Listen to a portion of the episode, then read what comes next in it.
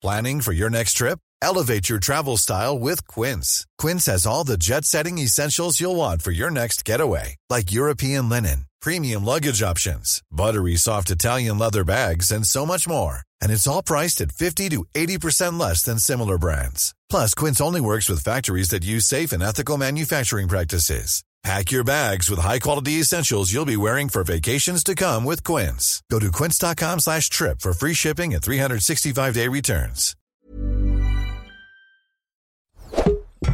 Tony Media. Het is oorlog in Europa. Gaan we allemaal dood in een kernoorlog? Nee, ik denk het niet. Gaat de oorlog de wereld veranderen? Dat weet ik zeker. In samenwerking met Dagblad Trouw probeer ik met deze podcast grip te krijgen op de oorlog. Hier houd ik je wekelijks op de hoogte van de situatie in Oekraïne en Rusland.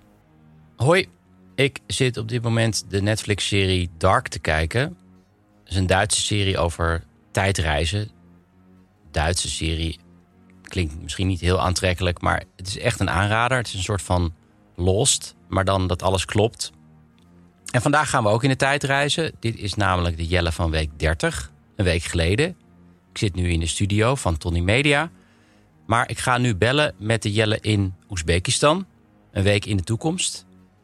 Jelle, kan je vertellen waar je nu zit? Hoi Jelle, Jelle hier. Ik zit op dit moment in Tashkent, de hoofdstad van Oezbekistan.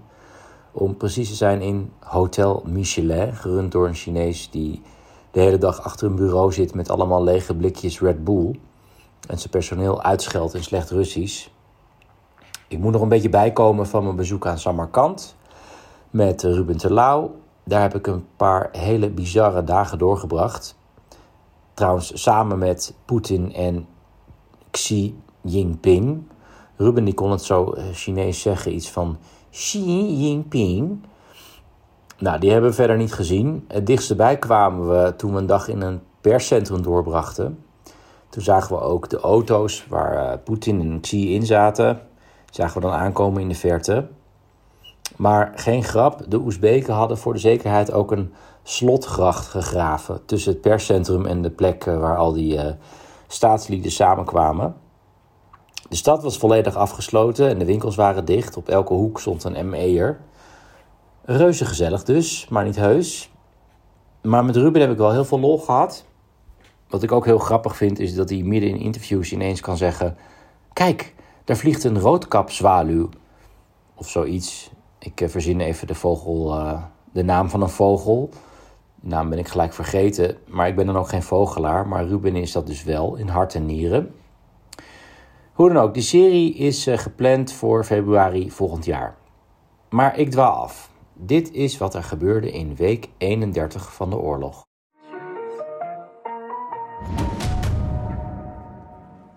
Ja, ik zoom deze week ietsje meer uit om de oorlog te bekijken vanuit een breder perspectief. Ik denk dat het wel even goed is om daarbij stil te staan. Het lijkt erop dat de oorlog in Oekraïne zorgt voor verschuivingen in de hele voormalige Sovjet-Unie. Dit was natuurlijk ook de week van de SCO-top in Samarkand, waar ik dus met Ruben was. Ik zat daar tussen journalisten uit India, China en Pakistan en ook Rusland. En wat opviel was dat ze over het algemeen, op de Russen na, niet erg respectvol over Poetin praten. Ik merkte ook lichte ergernis bij de leiders die daar samenkwamen. Xi Jinping die zei openlijk dat hij zorgen had over de oorlog in Oekraïne. Narendra Modi van India die zei dat we nu niet in een tijdperk van oorlogen zitten. Oftewel, dat had je op een andere manier moeten oplossen, Vladimir. Allemaal woorden natuurlijk waar Poetin niet op gehoopt had. Die hoopte op een groot blok tegen het Westen. Maar het was nu vooral een heel groot blok achter China. Want het was duidelijk wie er nu de lakens uitdeelt in Centraal-Azië. Daar gaan we het trouwens zo nog over hebben. Ook nog een leuke dis van de president van Kirgizië. Ja, die liet Poetin even wachten bij een uh, bilateraaltje. Dat was tot voor kort Poetins kleinzielige hobby, maar nu zijn de rollen dus omgekeerd. Poetin moest echt een minuut wachten tot uh, de president van Kirgizië binnen kwam lopen. Veel landen die zien Rusland niet meer als grote broer. En, en dat leidt ook tot problemen. Sommige ex-Sovjetlanden die uh, zien hun kans schoon om oorlog te voeren in dit machtsvacuum. Bijvoorbeeld in de Caucasus. Daar zitten Armenië en Azerbeidzjan verwikkeld in een gewapend conflict. Georgië komt misschien met een referendum om Abhazie en Noord-Ossetië uh, weer terug in te nemen. Die twee gebieden staan nu nog onder controle van Rusland. Ook is de oorlog tussen Kirgizië en Tajikistan weer opgeleid. Ik was daar eerder in juli, precies om dit conflict te filmen. Uh, dit speelde vorig jaar in april ook al namelijk. Ik heb er trouwens een podcast aan gewijd. Ik zal een link in de show notes zetten. Vorige week zijn er aan de grens 81 doden gevallen aan Kirgizische zijde en aan de Tajikse zijde zeker 60 doden. We filmden daar toen in juli op een Kirgizische kippenboerderij aan de grens. En gisteren hoorden we dat de kippenboer die we daar hadden gefilmd een paar dagen geleden is doodgeschoten. En zijn hele kippenboerderij is in brand gestoken. Ja, echt verschrikkelijk. En ook bizar. Iemand die je dus net gefilmd hebt, die dan uh, uh, ja, omkomt in, uh, in een oorlog. En tijdens het filmen vertelde hij me dat hij in de Sovjet-tijd bij een sovgoze werkte. En die sovgoze was de enige plek in de hele regio met een telefoon. Het was een beetje aan het eind van, de Sovjet, uh, van, van het Sovjetrijk. En iedereen kwam dus daar bellen bij die sovgozen, ook de Tajiken. En hij vertelde me dat in die tijd Kirgizen en Tajiken gewoon helemaal prima bevriend waren. Maar dat moment is dus nu voorbij. En ik vrees dat Poetin met de oorlog in Oekraïne een hele doos van Pandora heeft geopend. Uh, in de hele voormalige Sovjet-Unie. En dat alle bevroren conflicten in één klap een hete oorlog lijken te worden. Deze week ging natuurlijk de oorlog in Oekraïne ook gewoon verder. Oekraïne die consolideert zijn enorme terreinwinst van het tegenoffensief bij Kharkiv. In de stad Izium, daar zal je ongetwijfeld wat over hebben gehoord, zijn graven met gedode Oekraïense burgers gevonden, sommige met sporen van geweld. Dat onderzoek gaat door en daar kom ik volgende week nog op terug. Intussen gaat Oekraïne verder met die tegenaanval in die regio Kharkiv, uh, maar ook in het zuiden bij Gerson. Vooral in Gerson stad is het de laatste dagen onrustig. De stad is sinds maart in Russische handen. Uh, er wordt geschoten in die stad, ook echt best, met best wel zwaar geschut. Je hoort ook uh, automatische geweren. Maar niemand weet wie ze zijn. Misschien schieten Oekraïners, ja, Oekraïnse partizanen wel op Russische soldaten. Maar andere bronnen zeggen dat het Russische soldaten onderling zijn. In de Donbass trekken uh, Russen verder op richting Bakhmut, of dat proberen ze in ieder geval. Ze schijnen daar huurlingen van de Wagner-groep uh, te gebruiken, aangevuld met Russische gevangenen, die dan worden vrijgelaten als ze gaan vechten in Oekraïne, als ze dat overleven in ieder geval. Verder gebruikt Rusland nu Iraanse kamikaze-drones op het slagveld en die blijken best wel een verwoestende werking te hebben op Oekraïns materieel. En dat is ook echt iets om in de gaten te houden de komende week.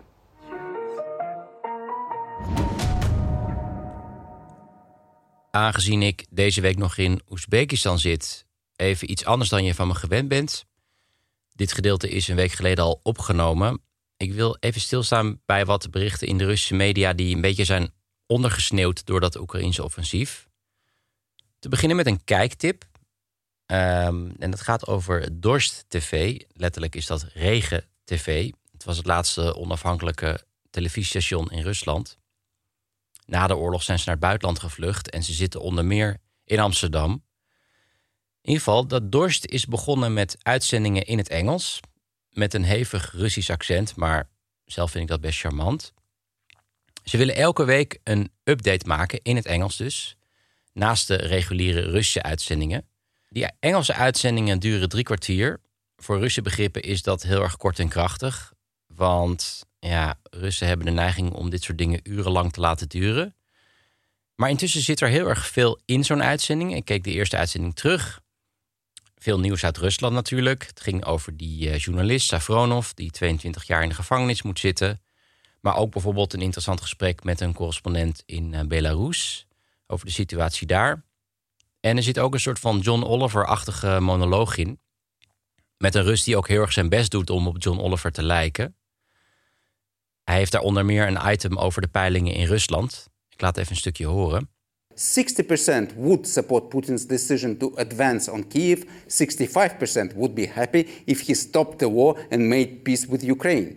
If anything, these findings, however self contradictory they may seem, demonstrate that Putin's war is not massively backed by Russians. The hawkish, warmongering sector of Russian society is rather narrow. The majority finds the easiest way out is to adapt to a situation it can't affect and to shift responsibility to the government. Dit is echt een aanrader, dit kanaal. Helemaal met het oog op de situatie in Rusland. De situatie daar zou komende weken zomaar radicaal kunnen veranderen. Misschien valt voor de verandering Poetin een keertje uit het raam. Wie weet. Verder besteedt de Russische site Mediazona aandacht aan nieuwe lessen op de Russische middelbare scholen. Zij moeten daar lessen geven om kinderen meer patriotisch te maken. En die lessen heten Conversaties over belangrijke dingen. Nou, het heeft weinig met conversatie te maken, want de leraar die verspreidt leugens en kinderen moeten luisteren. Media Zona had de transcriptie gekregen van een uh, les uh, die leerlingen naar buiten hadden gesmokkeld. Nou, in die les zitten gewoon de bekende argumenten. In de Sovjet-tijd konden de Russen overal reizen binnen de Sovjet-Unie en Sommigen waren in Oekraïne toen de Sovjet-Unie uit elkaar viel. En die Russen, die dus vooral in de Donbass zitten, die moeten nu beschermd worden. Dat Oekraïne een soeverein land is, doet er kennelijk helemaal niet toe. Ook opvallend in de transcriptie is dat een leraar zegt dat mensen in de Sovjet-tijd niet werden vervolgd. En het lijkt me zo raar dat je voor de klas staat en precies het tegenovergestelde vertelt van hoe de wereld in elkaar zit. Bijvoorbeeld te verzwijgen dat er gulagkampen waren in de Sovjet-Unie. Ik vond die reacties van de leerlingen wel weer geruststellend, want de meesten gebruikten de les om lekker een tukje te doen. Oké, en dan nog dit. Eens in de twee weken behandel ik hier voortaan een vraag van een luisteraar over de oorlog, of in dit geval een tip. De tip is afkomstig van luisteraar Svetlana van der Bom. Zij ontvangt een kledingpakket van onze sponsor van de aflevering. En dat is in dit geval Bamigo. Bamigo die maakt duurzame kleding op basis van bamboe. En bamboe heeft minder water nodig en minder pesticiden nodig dan katoen. En is ook nog eens heel erg zacht. Je zou zelfs een kijkje kunnen nemen op bamigo.com. En Sveta, ik moet erbij zeggen dat het mannenkleding is, dat pakket. Want Bamigo maakt premium kleding voor mannen. Maar je kent vast wel iemand aan wie je het cadeau kan doen. Misschien is er ook wel meneer Van der Bom. De tip van Svetlana in ieder geval heeft te maken met een podcast van twee weken geleden. Ik had het toen over het Oekraïense dorp Wysokopilia. En ik had het toen een beetje uit de vuist vertaald naar hoog stof. het probleem is alleen dat ik helemaal geen Oekraïens spreek. Ik spreek natuurlijk wel Russisch, maar dat wijkt net te veel af om zomaar dingen uit de vuist te gaan uh, vertalen. Ik werd dus op mijn fout gewezen door deze Svetlana. De naam van het dorp blijkt namelijk ja, zich te vertalen als Hoge Veld. Ze wist me trouwens ook nog te vertellen dat een boer die ik opvoer in de podcast met de naam Krivashea eigenlijk betekent schuine nek. Dus die man heet schuine nek. Nou, vond ik ook nog een hele mooie toevoeging. Ik ben wel bezig met de Oekraïnse taal op Duolingo. Kunnen jullie trouwens ook doen. En dat werkt trouwens echt prima om een beetje de basics te leren van een taal. Aanraden voor iedereen die de taal wil leren, bijvoorbeeld als je vluchtelingen in huis hebt. Het is trouwens ook een hele mooie taal. Met een aantal letters die afwijken van het Cyrillische alfabet. Een van die letters is de letter J. Dat schrijf je als een I met twee puntjes erop. Zoals in Oekraïna, uh, het Oekraïense woord voor, je raadt het al, Oekraïne. Nou, in ieder geval, die letter, die i met die puntjes erop, die duikt nu af en toe op in door Rusland bezet gebied. Een beetje als soort van teken van verzet. En ja, er zijn natuurlijk vele uitingen van verzet in die gebieden. Natuurlijk bomaanslagen op Russische bezetters. Moordaanslagen ook op Oekraïnse collaborateurs. Uh, je hebt ook Oekraïners die de coördinaten doorgeven van strategische locaties voor bombardementen. Maar ook dat kleine verzet is natuurlijk belangrijk. En die letter die duikt nu overal op, in de straten en op gebouwen, tot op de Krim aan toe. Nog even over uh, ja, andere letters in het alfabet. In de stad Ulyanovsk in Rusland staat een uh, standbeeld voor de letter Jo. Dat is weer een andere letter. Die eh, zou daar in de 18e eeuw zijn uitgevonden in die stad. En joh, dat schrijf je weer als een E met puntjes. Maar die puntjes die worden dan vaak weggelaten. Echt helemaal om gek van te worden als buitenlander. Want een E zonder puntjes die spreek je weer uit als yeah in plaats van jol. En die jol is ook verkozen als populairste letter van het Cyrillische alfabet. Waarschijnlijk omdat veel scheldwoorden beginnen met jol. Maar goed, even een leuk feitje terzijde. Hoe dan ook, Svetlana, bedankt voor de tip. Wil je nou ook kans maken op zo'n kledingpakket van duurzame bamboe? Stuur dan je vraag op of je tip. Je kan het beste reageren op mijn aankondiging van deze podcast op Twitter. Via Instagram kan natuurlijk ook. Of je kan zelf je kleren bestellen bij Bamigo. Ontvang nu 25% korting op je eerste bestelling op bamigo.com. De korting is exclusief voor de luisteraars van de show met gebruikmaking van kortingscode Jelle25. Nog even over die Oekraïnse taal. Ik zag tijdens dat crazy offensief van de Oekraïners een filmpje van twee Oekraïnse soldaten die de Russische propaganda trekken van een enorm billboard. Op die Russische poster staat: Wij zijn met Rusland één volk. Maar goed, die poster haalt ze eraf. En onder die poster blijkt een gedicht te zitten van de Oekraïense volksheld Taras Shevchenko. En een van die soldaten leest dan dat gedicht voor. Ivan сині гори, кригою опутні. Іван лицарі великі, Богом не забутні. Борітеся, поборете, вам Бог помагає. За вас правда, за вас сила і воля святая. Hij zegt hier: Strijd door en win je slag. God zal je helpen. En de waarheid, de glorie en de vrijheid vechten aan jouw zijde. Het is echt zo'n prachtig filmpje. Ik zal nog een link in de show notes zetten. Hallo hier, even Jelle weer uit Oezbekistan. Deze week even geen interview. Ik wilde jullie een fragment laten horen van een gesprek tussen Ruben en mij in Samarkand. We hadden daar onder meer over de band tussen China en Rusland toen we even het perscentrum waren ontvlucht. Uh, het geluid is met dank aan Alex Tugushin. Ik denk dat de serie uiteindelijk ook gaat over invloedssferen um, van Rusland en van China. Nou, van Rusland, daar weet ik alles vanaf. Um, maar wat ik even nu benieuwd naar ben is... hoe kijkt China op dit moment naar Rusland? In Rusland heb je, heel erg het idee dat het soort van gelijkwaardige machten zijn... en dat ze heel erg met elkaar uh, ook goed kunnen opschieten... omdat ze samen tegen het Westen optrekken. Maar is dat eigenlijk wel zo?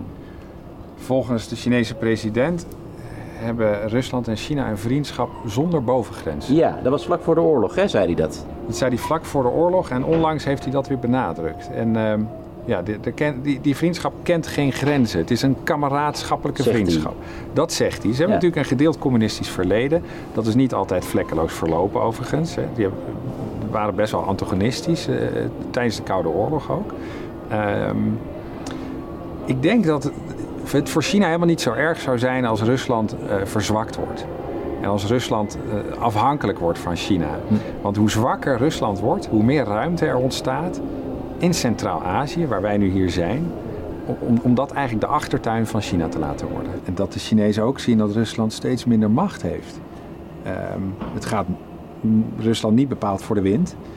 En dat ligt eigenlijk deze regio open en bloot voor, voor China om te exporteren, handel mee te drijven, eh, ontwikkelingssamenwerking mee aan te gaan.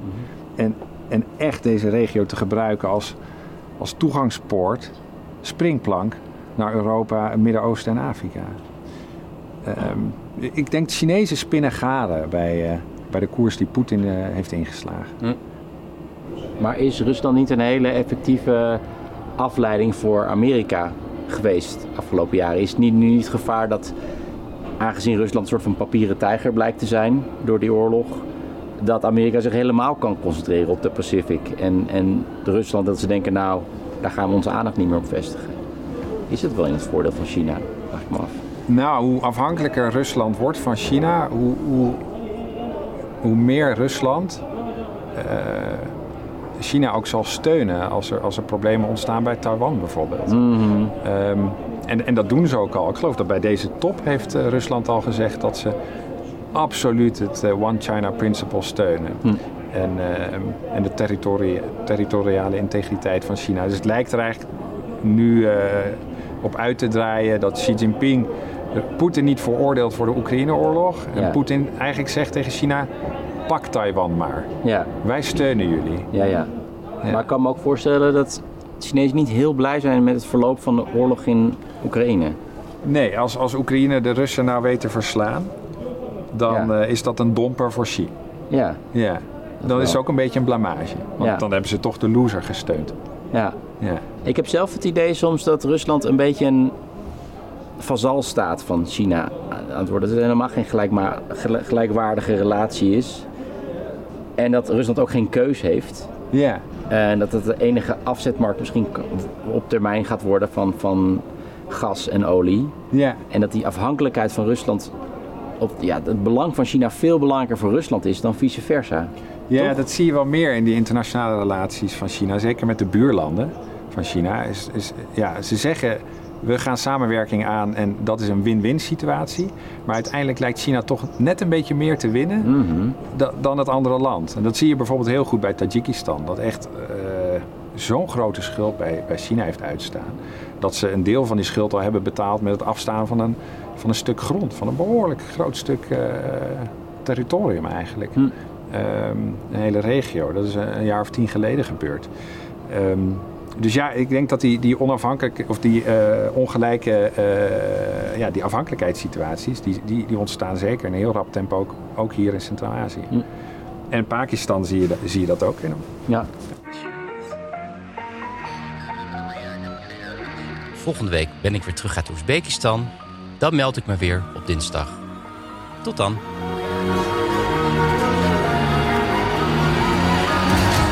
Dit was een productie van Tony Media en Dagblad Trouw. Voor meer verdieping ga naar trouw.nl. Ik heb geen idee waar je naar geluisterd hebt, maar misschien een goede tip om nog meer tijd te vermorsen. Luister eens een keer naar de Snopcast, waarin ik, Jort Kelder en mijn goede vriend Ivo van Rechteren Altena alles bespreken wat het leven draaglijk maakt zonder enig praktisch nut. Met uiterst overbodige snobjecten als ja, een machientje om je tandpasta uit te rollen, een ski natuurlijk van Bentley of een Kashmir springtouw. Jazeker, de Snopcast. Omdat je het waard bent.